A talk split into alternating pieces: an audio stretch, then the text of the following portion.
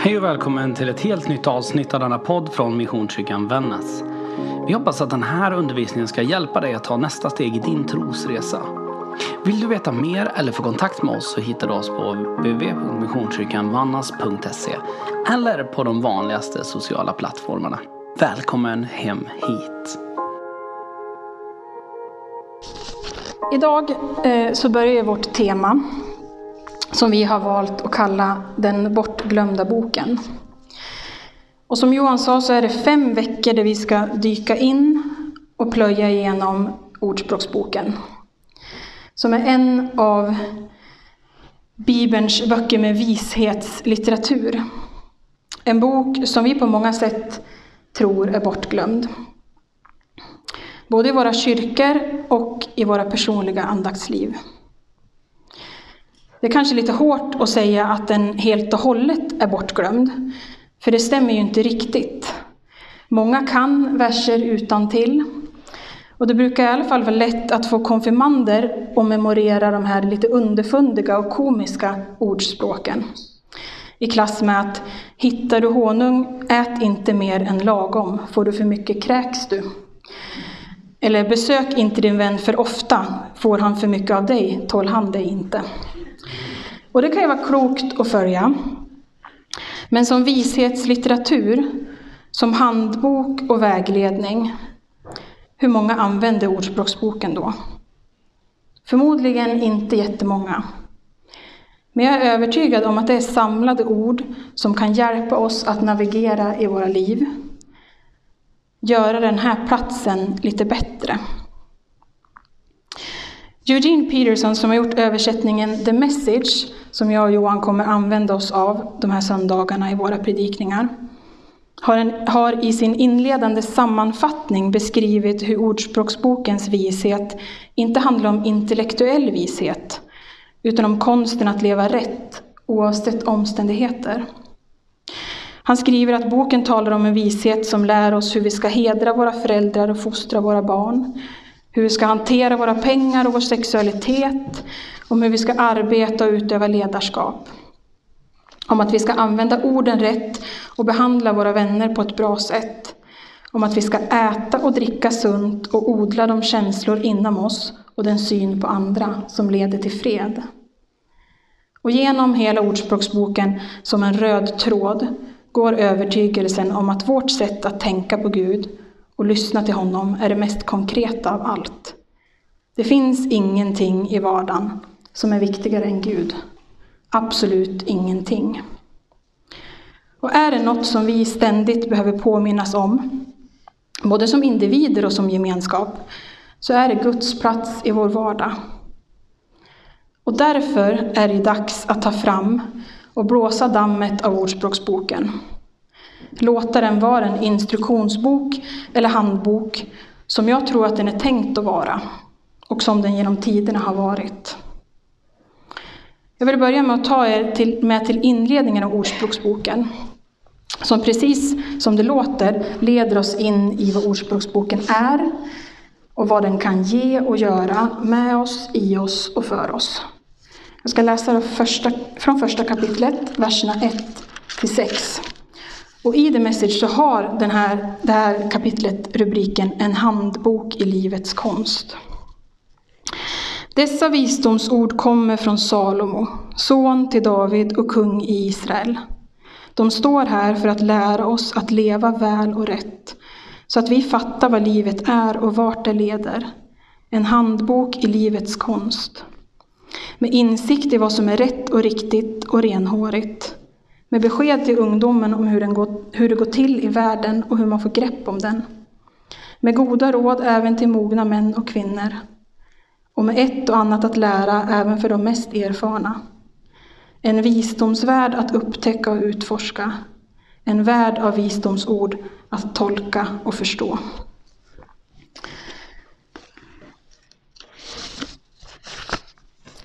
Ordspråksboken vill lära oss att leva väl och rätt. Så att vi fattar vad livet är och vart det leder. Insikt i vad som är rätt och hur det går till i världen. Hur man får grepp om världen. En visdomsvärld att upptäcka och utforska, en värld av visdomsord att tolka och förstå, stod det. Och allt det här hoppas vi att få göra tillsammans. I gudstjänster, i predikningar, i läsplanen och bibelsamtalet. När vi satt för några veckor sedan och förberedde det här temat så var det ett gäng verser som vi fastnade för. Och en av dem är den versen som jag kommer försöka hålla mig till idag. Och den är hämtad från kapitel 12, vers 1. Och i The Message så står det så här. Vill du lära dig mer? Är ditt mål att bli bättre? Så trångsynt då att inte låta sig rättas. Så här långt känns det ju ganska rimligt. Men när jag läste samma vers i min mormors mormor Ablas bibel så står det Den som älskar tuktan, han älskar kunskap. Men oförnuftig är den som hatar tillrättavisning. Och då kändes det genast lite hårdare. Att älska tuktan. Jag vet inte heller vad som händer i dig när du hör ordet tillrättavisning. Men i mig skaver det lite. För är det något ord som jag haft svårt för under min uppväxt så är det just tillrättavisning. Man skulle nog kunna dra det så hårt och säga att det är något som jag har hatat. För under en period så var tillrättavisning helt och hållet synonymt med att någon berättade för mig att jag gjorde fel och att göra fel var i mitt huvud detsamma som att jag var dålig. Och det här var framför allt under tidiga tonår, när jag befann mig i någon slags andra fas av kan själv. Och jag minns särskilt ett tillfälle när jag stod och gjorde någonting i köket. Jag skulle väl baka eller laga mat. Och det har min mamma alltid varit väldigt duktig på. Och jag minns att hon hela tiden dök in och berättade för mig hur jag skulle göra. Och när jag likt en kobra högg över att hon kritiserar mig, så sa min mamma bara helt lugnt, jag kritiserar inte, jag tillrättavisar. Så i min värld så blev det samma sak. För det var så jag uppfattade det. Tillrättavisningarna gjorde bara att jag kände mig dålig. Och vi har haft många bråk som det där, framförallt i köket, jag och mamma. För jag har velat lärt mig av mina egna misstag. Och mamma har velat skona mig. Och kanske spara sig själv en hel del besvär i att ta hand om röran efteråt. Då gjorde det ont och var svårt att hantera. Men idag är jag tacksam över allt som hon har lärt mig. Och jag vet att hon tillrättavisade av kärlek. Som det står i 13.24. Den som vägrar att fostra vägrar att älska. Den som älskar sitt barn tillrättavisar det. Och i 29.17. Tillrättavisa dina barn. Det kommer du inte att ångra. Då blir de lätta att leva med. Vi insåg ganska snabbt, jag och Johan, när vi läste igenom Ordspråksboken, att den är full av råd i stil med att gör du si går det, går det väl och gör du så går det åt skogen. Men också uppmaningar om att ta till sig av andras kunskap. Att vara mån om att bli tillrättavisad. Och det är klok, att det är någonting klokt. I 12.14 står det, fårskallar ska alltid ha sin vilja igenom. Kloka människor lyssnar på andras, andras råd. 13.1. Smarta barn lyssnar på sina föräldrar, dumma ungar gör vad de själva vill. 15.5. Hopplösa fall lyssnar inte på andra, förståndigt folk tackar för tillrättavisningar. 28-26. Om du tror dig veta allt är du dum på riktigt. De som lyssnar på andra är de som klarar sig bäst. Och det här är bara hälften av allt som jag hittar. Men det kan ju också skava. För ofta så vill vi ju klara saker själv. Vi vill känna att vi har koll på läget. Framför allt när det kommer till oss själva. För är det något som individualismen har lärt oss så är det att vi är våra egna experter. Ingen annan ska någonsin komma och säga vad som är bra för mig, för ingen annan vet vad jag behöver. Vi har liksom matats med det. Och därför är det inte så underligt att en tillrättavisning kan vara svår att hantera. Och det är inte så konstigt heller. När jag kollade synonymordboken till just ordet tillrättavisning så var det bara negativa ord som räknas upp.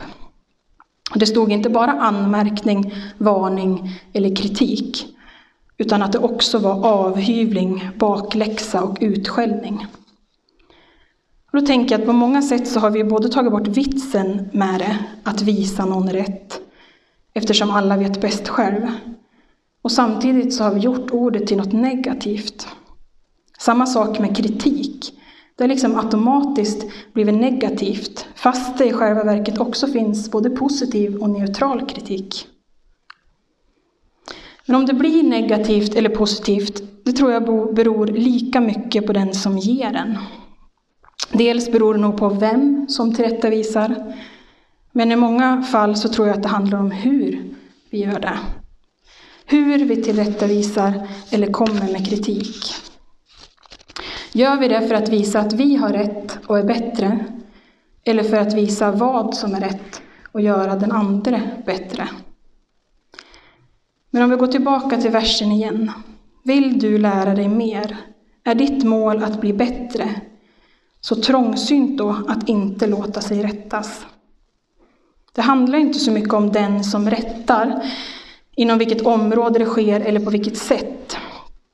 Utan där handlar det snarare om en ransakan. Strävar jag efter att bli bättre och lära mig mer? Eller är jag ganska nöjd med att vara den jag är och göra saker på det sätt som jag är van att göra? Du kanske tänker att du är klar, att du har lärt dig allt du behöver, är så bra som du kan bli och att det inte behövs något mer. Att det inte går att lära gamla hundar att sitta, vilket inte står i Ordspråksboken. I alla fall har jag inte hittat det. Men så länge jorden fortsätter snurra och dagarna går så kommer ju saker också röra på sig. Utveckling går framåt, det vet vi. Och med utveckling så kommer nya saker att ta ställning till, att ta hänsyn till, att lära sig. Vare sig vi vill eller inte. Är det något som de senaste två åren har lärt oss så är att livet är fullt av överraskningar ständigt nya saker att lära sig. Och det måste ha varit så i alla tider. Man tror att Ordspråksboken sammanställdes på 500-talet före Kristus, men att den består av visdomsord och ordspråk som har funnits långt längre än så. Och en återkommande sak är just den om att både lyssna på tillrättavisningar och tillrättavisa varandra. 29 och 20. Att lyssna på råd och tillrättavisningar är det kloka sättet att leva. Men att fortsätta sträva efter att bli bättre, att leva klokt och gott, att lyssna till andras råd och låta sig rättas. Det betyder inte bara att du ska tugga i dig allt det där som människor säger. Att alla råd och sanningar som haglar omkring bara ska köpas rakt av. I 14.15 står det lättlurat folk tror på allt de får höra. Förståndigt folk väger och prövar varje ord. För vi har alltid rätt att pröva det som sägs, oavsett vem som säger det. Kanske framför allt när det är en pastor som har en mikrofon. De flesta månader så lyssnar jag på morgonpasset i P3. Och den här veckan har det handlat lite om vad man får skoja om eller inte. Och som ett skämt så kom den här tanken om att bli certifierade.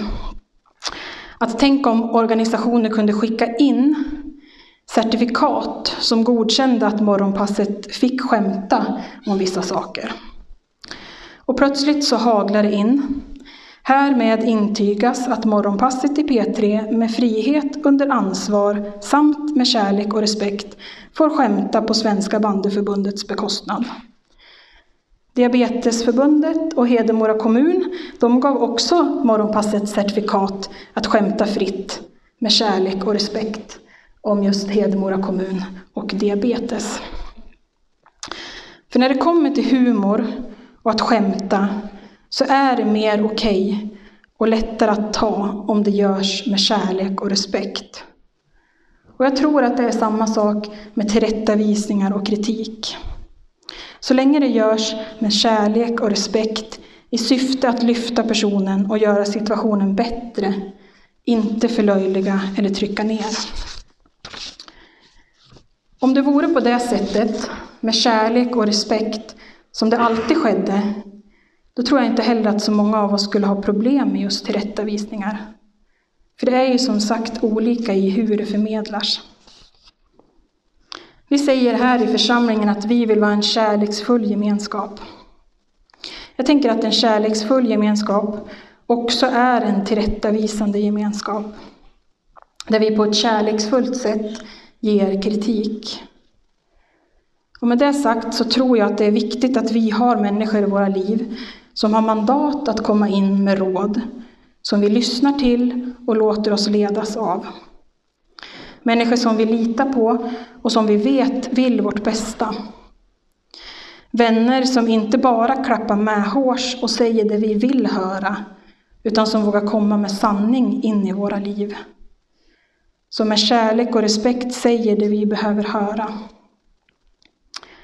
27.17 står det Stål vässar stål, vän skärper vän. Var en sån vän. Och Jesus då? Nu har nästan hela predikan gått utan att han har fått ta plats. Och det går ju inte.